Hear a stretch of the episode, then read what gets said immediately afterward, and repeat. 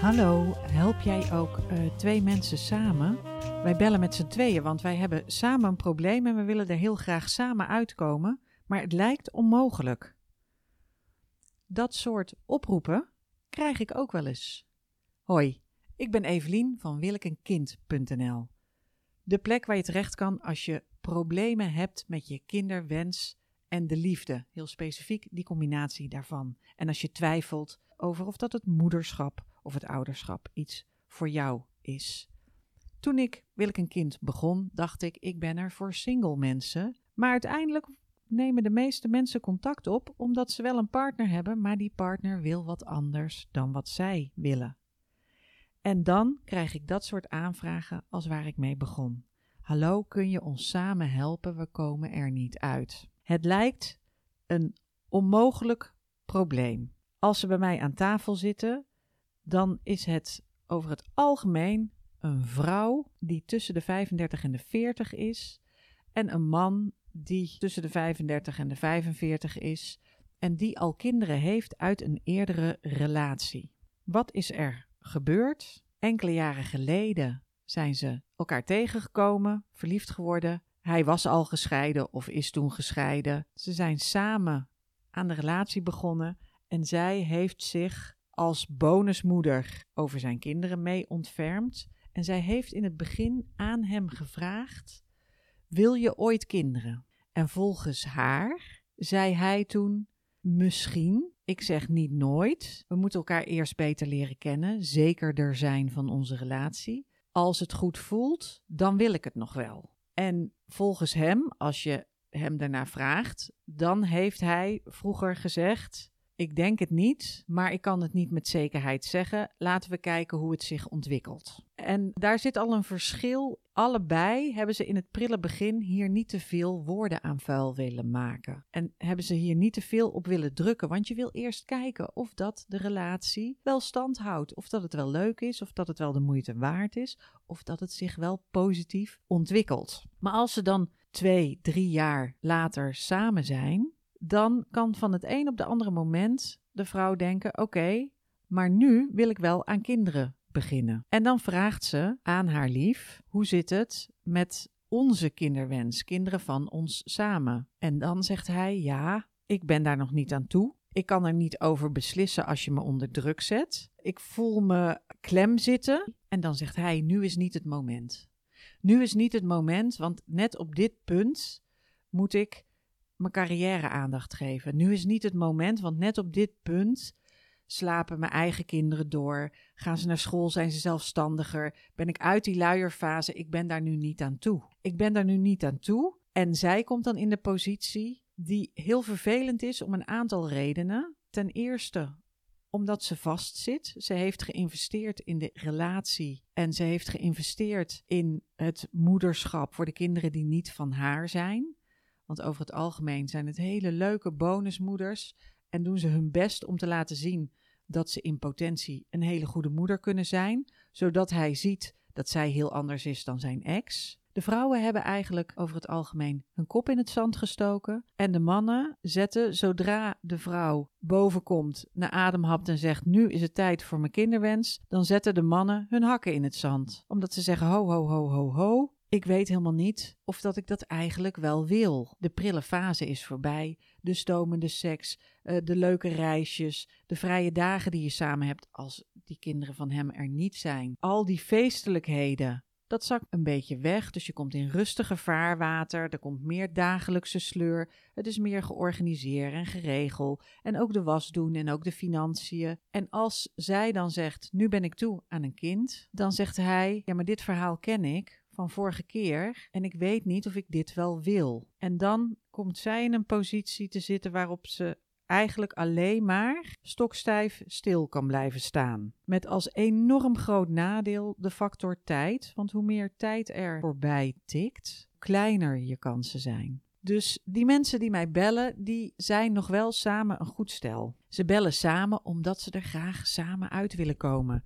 Zij is een leuke, nou, hele leuke hippe chick. Ze heeft een goede baan. Ze heeft een leuke relatie met die man. En hij is helemaal stapel verliefd op haar. Maar hij heeft ook zijn eigen rugzakje met daarin zijn vorige gezin en twee kinderen. En als ze bij mij aan tafel zitten, vertelt hij een verhaal van hoe die op een gegeven moment in het begin, in de prille jaren van zijn vorige gezin, wel eens de baby in de auto is vergeten, omdat hij zo gestrest was. En pas toen hij achter zijn bureau zat, ineens bedacht van, oh, ik had langs de crash moeten rijden en terugging en is daar zo van geschrokken herkende ze zichzelf zo niet meer dat hij absoluut dat niet terug wil. Hij wil niet terug daar naartoe. Maar zij kan niet langer blijven uitstellen. Dus ze heeft een paar keer het kinderwensonderwerp op de agenda gezet. En gezegd, nou laten we een wandeling gaan maken en laten we het erover gaan hebben. En wat er in die gesprekken gebeurde, als ik het aan haar vraag, dan zegt ze: ja, we hebben het erover, maar eigenlijk komt het er steeds op neer dat we willen gewoon echt allebei iets anders. Ik wil moeder worden, zelf. Ik wil zelf een kind. Ik wil niet deze relatie kwijt, ik wil een kind van hem. En ik ben niet zijn ex, ik ben een heel ander iemand. Dit is een hele nieuwe situatie, maar hij ziet dat niet. En hij zegt: Ik zie dat wel, maar ik vertrouw er niet op dat het niet weer wordt zoals vorige keer. Dat ik mezelf niet herken en dat mijn leven heel onaangenaam veranderd is. Nou, deze situatie, dat is de situatie waarin stellen bij mij komen. Het lijkt op een Griekse tragedie. Het maakt niet uit welke kant je opstapt. Alle opties lijken verschrikkelijk. Voor haar is de optie bij hem weggaan, betekent 38 zijn en single zijn en met je kinderwens onder de arm de datingmarkt opstappen. Nou, je knoopt je liever uh, op aan de hoogste boom dan dat dat iets is waar je nou zin in hebt. En bovendien, je houdt al van iemand. Je wil helemaal niet gaan daten. Je wil helemaal niet opnieuw verliefd worden. Je hebt al een relatie. Maar dat zou een optie zijn: de relatie verbreken en dan naarstig op zoek gaan naar een nieuwe relatie. Met je liefdesverdriet en je kinderwens in je rugzakje op de datingmarkt van vandaag de dag. Niet zo'n aantrekkelijke optie. De andere optie is kinderwens opgeven. Maar je weet niet hoe. Want je voelt nou eenmaal dat verlangen. Het houdt je wakker. Je kwelt jezelf. Je bent bang dat je de verkeerde keuze maakt door bij hem te blijven. Je weet niet hoe je afscheid moet nemen van je eigen kinderwens. En ergens in je achterhoofd denk je ook: wat als het tussen ons nou ooit nog wel misgaat? Hou ik hier dan niet de rest van mijn leven spijt van? Ik ben de bonusmoeder van zijn kinderen. Ik ben de stiefmoeder van zijn kinderen. Maar ik ben niet de echte moeder. Als het erop aankomt, zijn dit niet mijn kinderen? Hoe doe je dat, je kinderwens opgeven? Hoe kies ik ervoor om in deze relatie te blijven en daar gelukkig in te zijn, terwijl ik het hem eigenlijk kwalijk neem? Ik neem het hem kwalijk. Toen we hier aan begonnen, heeft hij niet nee gezegd. En nu zit ik in de situatie. Als ik het aan hem vraag, dan zegt hij nee, omdat ik het te veel aan hem vraag. En als ik het niet aan hem vraag, begint hij er niet over. En als ik stil blijf staan, tikt de tijd steeds verder. En iedere maand zie ik een ovulatie in de toiletpot verdwijnen. En mijn leven meer mislukken omdat ik niet de regie heb. Ik ben machteloos. Maar alles wat ik doe, alle uitkomsten, zijn volkomen ruk. Ik word helemaal gek. Dat is de positie van de vrouw. De positie van de man is dat hij zegt: in het begin waren we verliefd. Toen hebben we het hierover gehad. Toen heb ik niet gezegd: Ik wil nog wel kinderen met jou. Maar ik heb wel gezegd: Ik weet het niet. We moeten zien hoe het zich ontwikkelt. En als ik zie hoe het is, zich nu ontwikkelt, dan vind ik het lastig om te bedenken dat ik opnieuw naar die luierfase zou gaan. Want ik ben mezelf toen zo kwijtgeraakt. Ik denk niet dat ik dat wil. Ik vind het heel vervelend voor haar, maar hoe meer zij me onder druk zet, hoe, hoe minder ik in staat ben om dat besluit te nemen. En hoe meer deze kinderwens tussen ons in komt te staan, hoe minder ik zeker ben van de relatie. Hoe meer ik ga twijfelen aan of dat het wel goed zal gaan. Want het kind is er nog niet eens, waar ze zo naar verlangt. En het is nu al hommeles.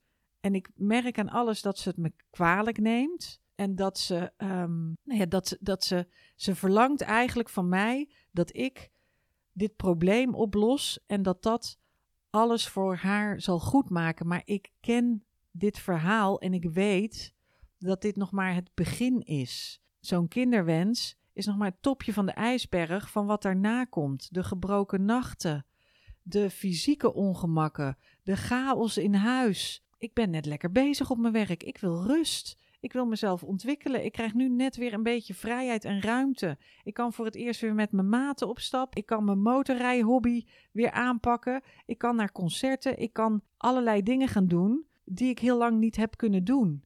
En dat moet ik allemaal opgeven omdat ze alleen nog dat ziet. Ik heb ook een beetje het idee alsof ze in deze relatie is ingestapt, omdat ze uiteindelijk alleen maar mij ziet als een mogelijkheid om haar kinderwens te vervullen. En het maakt niet uit wat ik doe, want ik ben ook altijd fact. Als ik toegeef aan die kinderwens, dan kom ik opnieuw in de luiers en dan kom ik opnieuw in een situatie waar ik echt helemaal niet in wil zitten nu. Als ik nee zeg, dan gaat ze bij me weg terwijl ik heel blij ben met deze relatie. En als ik aan haar vraag om te overwegen of dat ze niet gewoon, nou ja, om zich naar mijn gezin te voegen, dan uh, wordt ze woedend. Dus het lijkt een onmogelijkheid.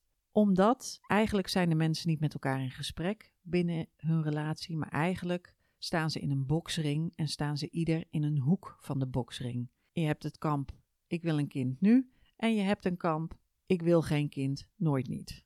En zolang als ze in die boksring staat, zal de situatie alleen maar verslechteren. Nou is dit toevallig ook een, een ingezonden brief aan de relatietherapeut van de Flair. En ik was heel benieuwd naar wat die relatietherapeut voor advies gaf. En ze geeft eigenlijk hetzelfde advies als wat ik zelf geef. Wat ze zegt is tegen de vrouw: onderzoek de mogelijkheden die je hebt om zelf je kinderwens vorm te geven zonder dat je dat van je partner verlangt. Dus onderzoek de alternatieve opties die er voor je zijn, zonder dat je aan hem vraagt: jij moet meedoen. Wil je meedoen? Dat jij moet meedoen is natuurlijk een opdracht. Je kunt vragen: wil je meedoen? Maar zonder dat je dat zegt, onderzoek welke alternatieven er voor je zijn. Welke opties heb je allemaal? En tegen de man zegt ze: onderzoek eens naar welke voorwaarden jij zou hebben om gehoor te geven aan haar verlangen. Dus in eerste instantie is het nee, maar zijn er vooral praktische bezwaren of zijn het meer, is het meer een, een levensvraag in de zin van zingeving of verbondenheid of financiële verantwoordelijkheid? Of is het het, uh, het, praktische van de chaos in huis of de geluidsoverlast of de uh, gebroken nachten en zijn daar oplossingen voor te bedenken?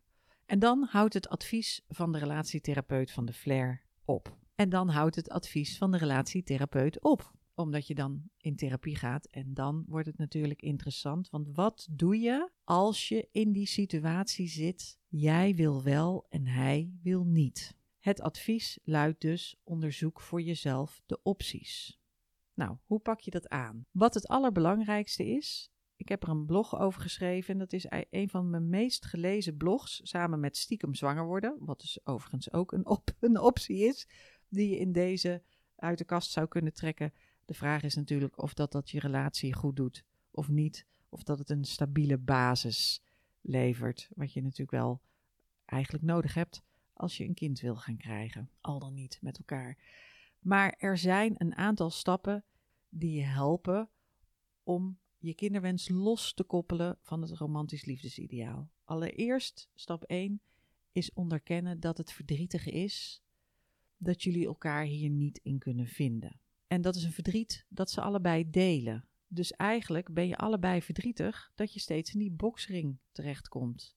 Dat de discussie steeds is: wil je mij een kind geven? Het antwoord is nee. Als je daar naast gaat staan en zegt: wat jammer dat we allebei steeds in dit vraag- en antwoord kat-en-muis spelletje verzanden en dat onze relatie daardoor verzuurt, dan vind je in ieder geval elkaar in de verdriet, in het verdriet en in de boosheid die daaraan verbonden zit. Dus de eerste stap is iets naar achter leunen en zeggen waar we elkaar in ieder geval wel begrijpen, is dat we het heel jammer vinden dat dit tussen ons instaat en dat we allebei bang zijn.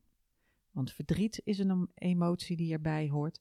Maar de andere emotie is natuurlijk dat je allebei bang bent om de relatie te verliezen. En dat geldt voor haar en dat geldt voor hem ook. En daar houdt het op. Dus als jullie kunnen hebben over verdriet en over allebei bang zijn en dan elkaar masseren en knuffelen en vasthouden, maar daarop blijven zitten en niet verder naar die kinderwens gaan. En zij kan zeggen: Ik ga drie maanden voor mezelf onderzoeken wat ik wil en op welke vorm dat wil. En ik focus me op mezelf. Dat is de tweede stap. Dus je kunt de verbinding houden door te kijken welke emoties ervaren we allebei en waarin begrijpen we elkaar, in verdriet en angst. En als je elkaar daarin kan vasthouden, dan is dat toch, ik lijk wel een, e een EO-orakel. Eh, maar dat is wel, waar, als je elkaar daarin kunt vinden en elkaar kunt vasthouden en kunt troosten, elkaar vinden in het verdriet, empathisch vermogen. Hè? Check die RSA, empathy van uh, Brené Brown. Als je dat googelt, dan zie je een kort filmpje van 2,5 minuut. Waarin wordt uitgelegd hoe je empathisch op elkaar kunt reageren. En dit zijn twee emoties die jullie allebei begrijpen: bang om de relatie te verliezen en verdrietig dat je grootste verlangen niet bewaarheid wordt. En het grootste verlangen van hem, van haar is duidelijk: ze wil een kind van hem. En het grootste verlangen van hem is eigenlijk dat zij zich voegt naar zijn gezin en dat dat genoeg is voor haar. Dat ze zegt: Mijn liefde voor jou is zo groot en mijn kinderwens is niet zo sterk, dus ik voeg me naar jouw gezin. Dat is zijn grote verlangen. Als je elkaar daarin vindt, dan heb je in ieder geval een prettige relatie voor die drie maanden. Dan zijn er nog een aantal stappen die heel essentieel zijn om dit goed te laten verlopen. De eerste is dat je focust op jezelf. En dat betekent voor haar dat ze focust op zichzelf. Hypothetisch geval, hij is weg. We gummen hem even uit. We zetten er even een kruisje doorheen. Hij bestaat niet. Hij krijgt de tijd nu om erover na te denken en misschien komt hij nog wel tot inkeer. Mag je vijf minuten per dag aan besteden door een kaarsje te branden en te hopen en te bidden dat hij tot inkeer komt, maar meer energie steek je er niet in.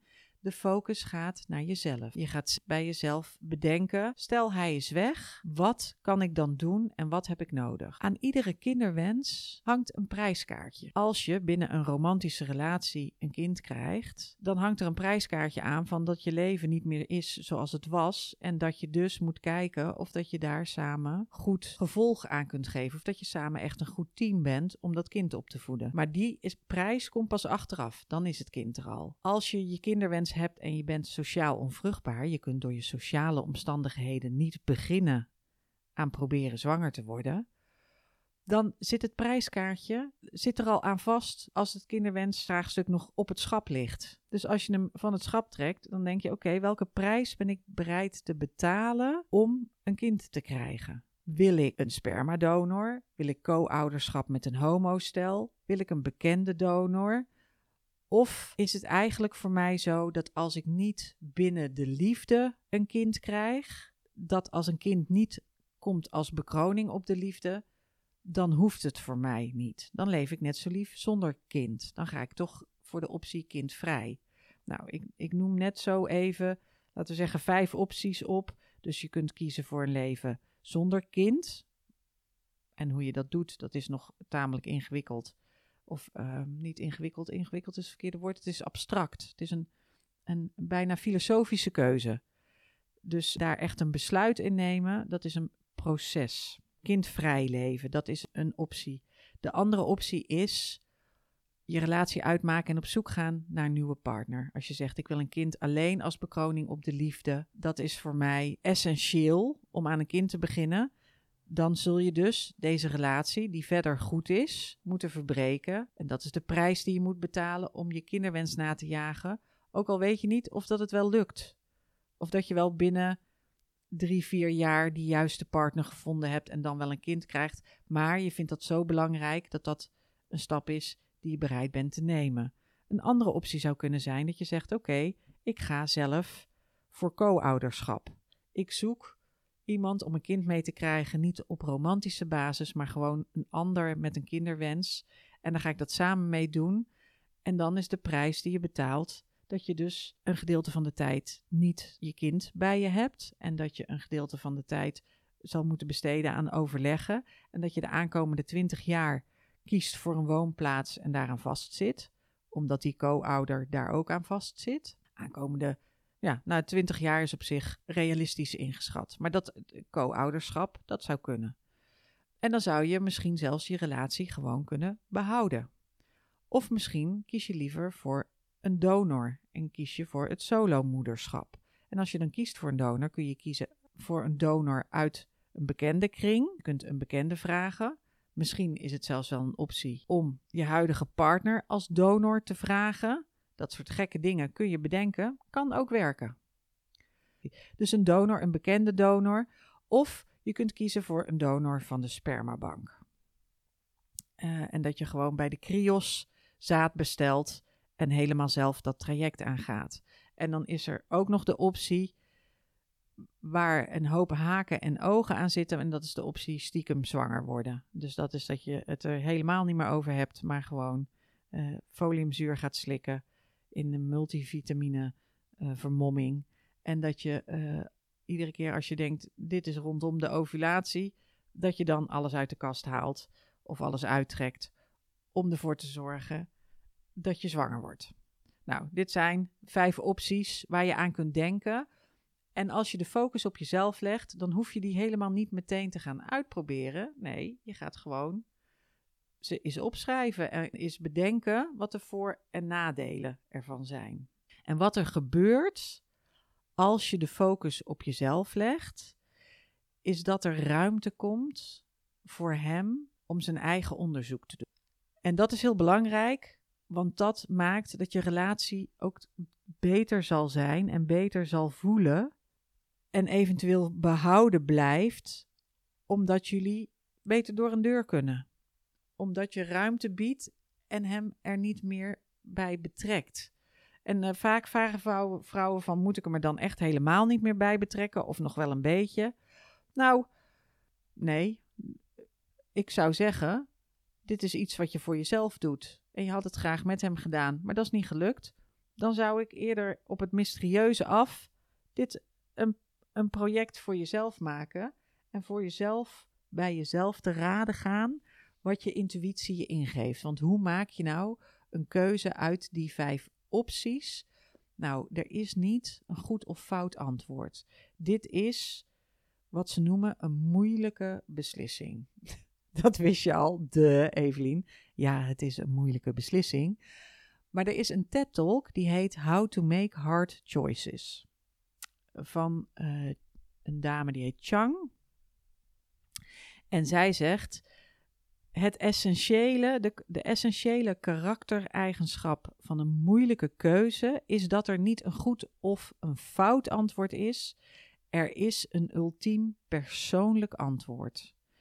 Dus jij alleen kan met je intuïtie, intuïtie, intuïtief, jij kan alleen intuïtief weten wat het juiste antwoord is voor jou. Welke opties er op tafel liggen en welke niet. En intuïtief iets weten betekent dat je iets weet zonder na te denken. Dat je iets weet door te voelen.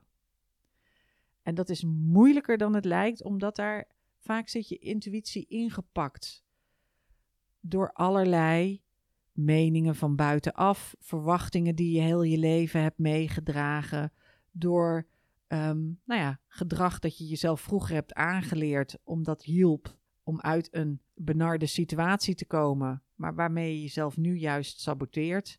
Als ik mezelf als voorbeeld moet nemen. Wat ik vroeger deed was uh, uh, jointjes opsteken en gaan dansen. Ik hou heel erg van de stoned, stoned disco dans. Wicked Jazz was een van mijn lievelingsavondjes uh, uit op zondagavond. Om de pijn niet te voelen. Maar de pijn is iets wat je nodig hebt om ook bij je intuïtie te geraken. Want het is er onderdeel van. Die intuïtie, de verborgen patronen die over je intuïtie heen zitten en alles wat een blinde vlek is voor jezelf, daar zul je mee moeten dealen om uiteindelijk intuïtief te kunnen voelen: dit is wat ik weet van hoe ik deze moeilijke keuze wil maken.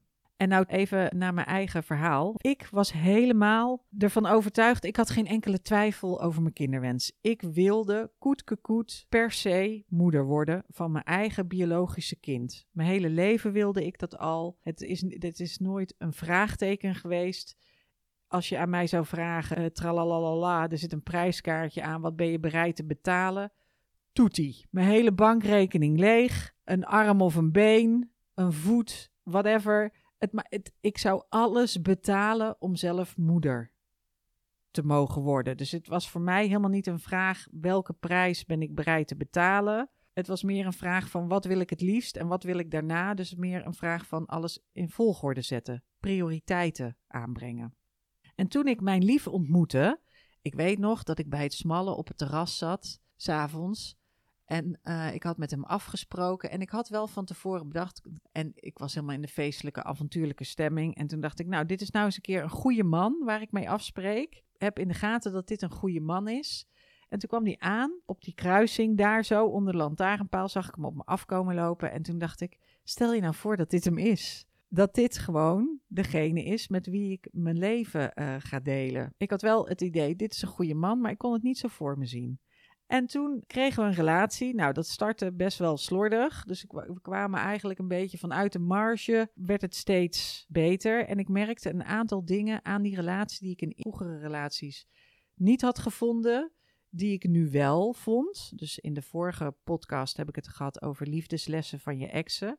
Nou, al dat spannende en die sensatiezucht die ik vroeger steeds najoeg Terwijl ik eigenlijk ook op zoek was naar geborgenheid. Daarvan had ik wel door dat met deze goede man, dat ik meer op die geborgenheid zat. Maar nog niet, ik had nog niet helemaal duidelijk of dat hij het nou was voor mij. Dat wist ik helemaal niet zeker. En het vervelende was dat na enkele maanden bleek dat hij helemaal niet toe was aan kinderen. Ik heb wel meteen gezegd van, nou, ik, ik ben heel erg bezig met die kinderwens en, en ik ben dat aan het vormgeven. En ik was toen ook al dingen aan het doen. Dus ik was al met homo's aan het daten. En ik had ook al met mijn huisgenoot, een ontzettend leuke gay man, een, een traject van een half jaar erop zitten, wat op het laatst was stuk gelopen. Dus hij wist wel van mij dat ik daar druk mee bezig was. Maar toen ik het hem vroeg, zei hij: Ik kan dat niet nu zo zeggen ik kom net uit een andere relatie, daar ben ik nog verdrietig over. Ik geloof niet zo meer in de ware liefde of dat dat goed blijft gaan. En hij, was, had ook een knauw gekregen. Natuurlijk ook zijn eigen zakje bagage, zijn eigen rugzakje bij zich. Dus het was wel een desillusie voor hem dat die vorige relatie waarvan hij dacht, dit is mijn ware liefde, dat die was stuk gelopen. En daar had hij verdriet over, waar ik hem niet bij kon helpen. En hij zei, ik ben zeker niet eraan toe nu om aan een kind te beginnen. En hij was in die vorige relatie stiefvader geweest. En toen het uitging, mocht hij van de een op de andere dag dat kind niet meer zien. Zo'n vervelende ervaring en zo pijnlijk, dat dat voor hem een lading was waar ik helemaal niets, waarin we elkaar niet, ik, kon daar, ik, ik begreep dat verder niet omdat het heel anders is dan een kind van jezelf. En nou ja, ik kan van alles opnoemen. Maar wij begrepen elkaar daarin niet in. Maar daar hebben we verder ook niet te veel aandacht aan besteed. Wat er gebeurde was dat ik doorging met mijn kinderwens los van hem. Maar dat ik wel in de gaten had dat dit een relatie was waarin geborgenheid in ieder geval bestond. Ik ontdekte ook van, oh, wij komen allebei uit een familie van ambtenaren. Van onderwijzers en maatschappelijk werkers. En er zijn in die zin, de, allebei Brabants, allebei niet beleidend katholiek, maar wel met die traditie van kerken en kaarsjes. En hij heeft in de koor gezongen. Het familiegevoel zat er veel meer dan bij al die vorige spannende mannen en sensationele, uh, meer op lustachtige relaties gebaseerde, meer op lust gebaseerde relaties. Ik probeer te kijken hoe ik het netjes kan zeggen, uh, terwijl ik mezelf ook niet als een totale seksgek wil afschilderen. Ik had wel meer inhoud dan dat. Maar goed, het kwam erop neer dat ik aan de beurt was voor de spermabank en aan hem vroeg: Ik ben aan de beurt voor de spermabank. Ik, ik vind onze relatie goed gaan. Ik heb niet een alternatief meer. Wil je met me meegaan naar de spermabank? Om me gewoon om me te vergezellen, omdat ik het zo spannend vind. En toen zei hij, nou, ik wil wel mee. Ik ga wel mee. Ik wil best je hand vasthouden. En als wij over negen maanden nog samen zijn, dan wil ik het kind misschien dan wel adopteren. Want wij waren inmiddels al een tijdje samen. Al een jaar of zo, wat voor mij echt een unicum was. In uh, een echte relatie, serieuze volwassen relatie. En toen, nou, ben ik drie keer naar de spermabank geweest, geïnsemineerd geweest. Uiteindelijk raakte ik niet zwanger voor mezelf een afspraak gemaakt met een gynaecoloog. En toen kreeg ik eerst een lap een kijkoperatie, waarbij ze door de vaginawand met een cameraatje gaan kijken naar hoe de buitenkant van je eileiders eruit ziet. Daarna moest ik daarvan herstellen. En toen gingen ze met contrastvloeistof in de baarmoeder spuiten. En toen kwamen ze erachter dat allebei mijn eileiders dicht zaten. toen uh, was de fameuze avond, waar ik ook vorige keer al over verhaald heb, dat ik uh, lamskoteletten, een joint en full metal jacket heb genuttigd. En daarna kon ik dus een traject in voor IVF. Al dat medische gedoe, dat kost allemaal zeeën van tijd. En hoe ging ik nou om? Hoe was de relatie tussen mij en goede man over die kinderwens op dat moment? Want daar heb ik dus heel erg veel van geleerd. Ik was al bezig met alternatief mijn kinderwens vormgeven. Alternatief als je hem afstelt tegen de standaard van een kind als bekroning op de liefde. Dus ik was al bezig met op andere manieren zoeken toen ik hem leerde kennen. En daar ben ik mee doorgegaan. Dus voor mij waren die gesprekken, ik had dat loskoppelen van het romantisch liefdesideaal al gedaan. En ik wist ook bij mezelf, ik ben niet zo hartstochtelijk, hals over kop, helemaal romantisch verliefd. Ik weet ook niet of deze relatie stand houdt. Ik weet ook niet of wij elkaar zware zijn of dat wij samen een kind moeten krijgen. Ik weet al die dingen niet zeker. Wat ik zeker weet is dat ik geen tijd meer heb. En gezien mijn hartstochtelijke wens om zelf moeder te worden, weet ik dat ik geen tijd meer heb en dat ik iets zal moeten doen. En um, ik weet ook dat deze relatie met jou goed voor mij is, helemaal los van die kinderwens, omdat ik dingen van je aanneem en ik word rustig van je en ik voel me geborgen bij je. En we hebben hetzelfde gevoel voor humor en we hebben intellectueel een klik.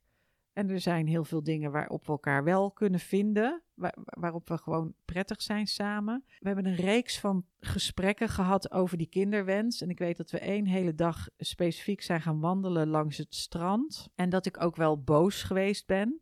Ik kan me ook nog een ruzie herinneren waarbij er dingen door het huis vlogen. Dus het is helemaal niet allemaal, het is helemaal niet allemaal om door een ringetje te halen, uh, dit verhaal. Maar dat de emoties hoog opliepen. En dat ik me toen al afvroeg, waarom doe ik zo mijn best voor jou? Maar ik voelde ook dat hij goed voor mij was als persoon. Dan is er nog de kwestie van de vriendinnen. Er was één vriendin die zei: Ik snap dat hij niet meteen wil. En als je voelt dat deze relatie wel dingen oplevert, dan hou gewoon die relatie stand. Een hele hoop andere vriendinnen zeiden: Wat een loser, wat een slappe zak, waarom komt hij niet over de brug? Uh, kun je hem niet toch uh, ompraten? Dus hier een tip voor alle vriendinnen. Hou op. Bemoei je er niet mee. Als je niet in de situatie zit, dan vraag gewoon wat je kan doen. Vraag waar mensen behoefte aan hebben, maar kom niet met advies. Want uiteindelijk, al die adviezen om hem te dumpen, dan was er nooit gebeurd wat er uiteindelijk gebeurde. Want toen ik na zoveel tijd, dus eigenlijk waren we toen misschien wel een jaar verder, toen kon ik een IVF-traject gaan doen. En toen moest ik kiezen, als ik zaad zou bestellen en daar IVF mee zou doen, moest ik naar het fusiekenhuis, want daar mocht je zelf zaad meenemen. Uh, zaad van de Criosbank bestellen. En bij het AMC kon je alleen werken met zaad van een, waar, in, in, een, in de verpakking van een man. Laat ik het zo zeggen. Daar, daar werken ze niet met donorzaad. Daar werkten ze toen alleen met IVF-behandelingen en dat je je partner meeneemt. Of dat dat nou een donor is of je partner-partner, daar hebben ze eigenlijk niks mee te maken. Maar, uh, en daar was ik trouwens nog wel pissig over, want ik vond het niet helemaal eerlijk tegenover single vrouwen. En bij het AMC was dichter bij mijn huis in de buurt. Je moet daar regelmatig naartoe. Dus ik dacht, nou, dan kan ik daar gewoon heen fietsen. Dat is een voordeel. En ze hadden betere cijfers. Maar ze hadden ook betere cijfers, omdat ze natuurlijk selecteren aan de poort bij het AMC. Inmiddels zijn het VU en het AMC gefuseerd. Toen ik daar terecht kon voor IVF, of toen ik moest kiezen voor IVF, toen zei ik tegen goede man: Wil je met mij IVF meedoen? En toen werd die eerste, eerste reactie was toch weer boos zijn. En zegt, nou zet je me weer onder druk. Moet ik weer mijn leven voegen naar jouw tijdspad? En toen heb ik eerlijk gezegd, dit is het tijdspad wat ik zelf liever ook niet zou hebben. Ik zou ook liever gewoon nog gezellig met jou leuke dingen doen en op reis gaan en een tijdje in het buitenland wonen en alle grote festivals afgaan of hè, alle kerkjes en campings in Frankrijk verkennen. Maar ik ga nu aan IVF beginnen. Wil je meedoen? Zo niet. Even goede vrienden. Was natuurlijk niet helemaal. Zou ik wel een beetje pissig zijn geweest. Maar even goede vrienden. Verandert niks tussen ons. Maar dan weet ik waar ik aan toe ben. Weet ik wat ik moet kiezen. Het ziekenhuis dwingt mij om deze keuze te maken Het klopt dat ik hem doorschuif naar jou, omdat ik wil weten, wil je hierin meedoen of niet? Denk er zelf over na. We gingen toen een weekje naar de Ardennen met zijn vrienden. En toen we terugkwamen van de Ardennen waren we in de buurt van Maastricht. En hij was toen al een keer, had ik hem s'nachts van een bevroren bankje geplukt. Omdat hij daar uh, heel boos had gezeten, omdat hij zich zo klemgezet voelde. Toen we dus terugreden, toen zei ik... Oké, ik heb nou een week lang het hier niet over gehad, maar ik heb een antwoord nodig, want ik ga morgen een afspraak plannen. Ik ga een in inschrijfformulier invullen en ik moet weten waar ik dat moet doen. Dus jij moet zeggen wat je gaat doen. En toen was hij dus eigenlijk nog een beetje pissig, dus de intonatie was niet heel romantisch. Maar toen kwam het meest romantische wat iemand ooit tegen mij gezegd heeft.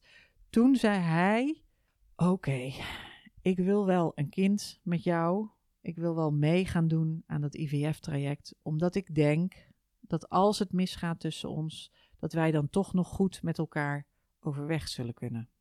En dat was voor mij het aller, aller. Dat was eigenlijk het mooiste. En ik, ik had het toen niet zo in de gaten, maar daarna weet ik nog waar we reden op de A2, welke afslag we namen en hoe we uh, Maastricht binnenkwamen in de buurt van Café Chic. Daar de auto parkeerden. En dat ik ineens dacht, oh wat leuk. wat leuk, we gaan dit samen proberen.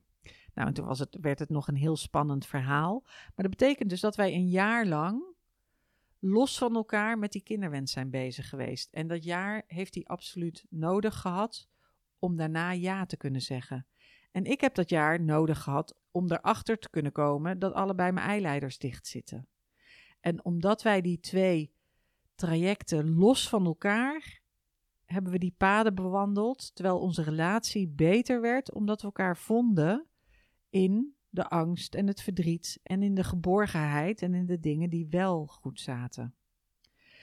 Dus dat laat ik daarmee deze podcast beëindigen. Als je in de situatie zit waarin jij wel wil en hij niet, en dan is er eigenlijk nog een verschil, besef ik me nu, of hij al kinderen heeft of nog niet kinderen heeft van zichzelf. Maar wat je te doen staat, is in ieder geval een pauze afspreken over dit onderwerp. Wel echt expliciet benoemen: oké, ik ga drie maanden aan de slag met mijn kinderwens voor mezelf.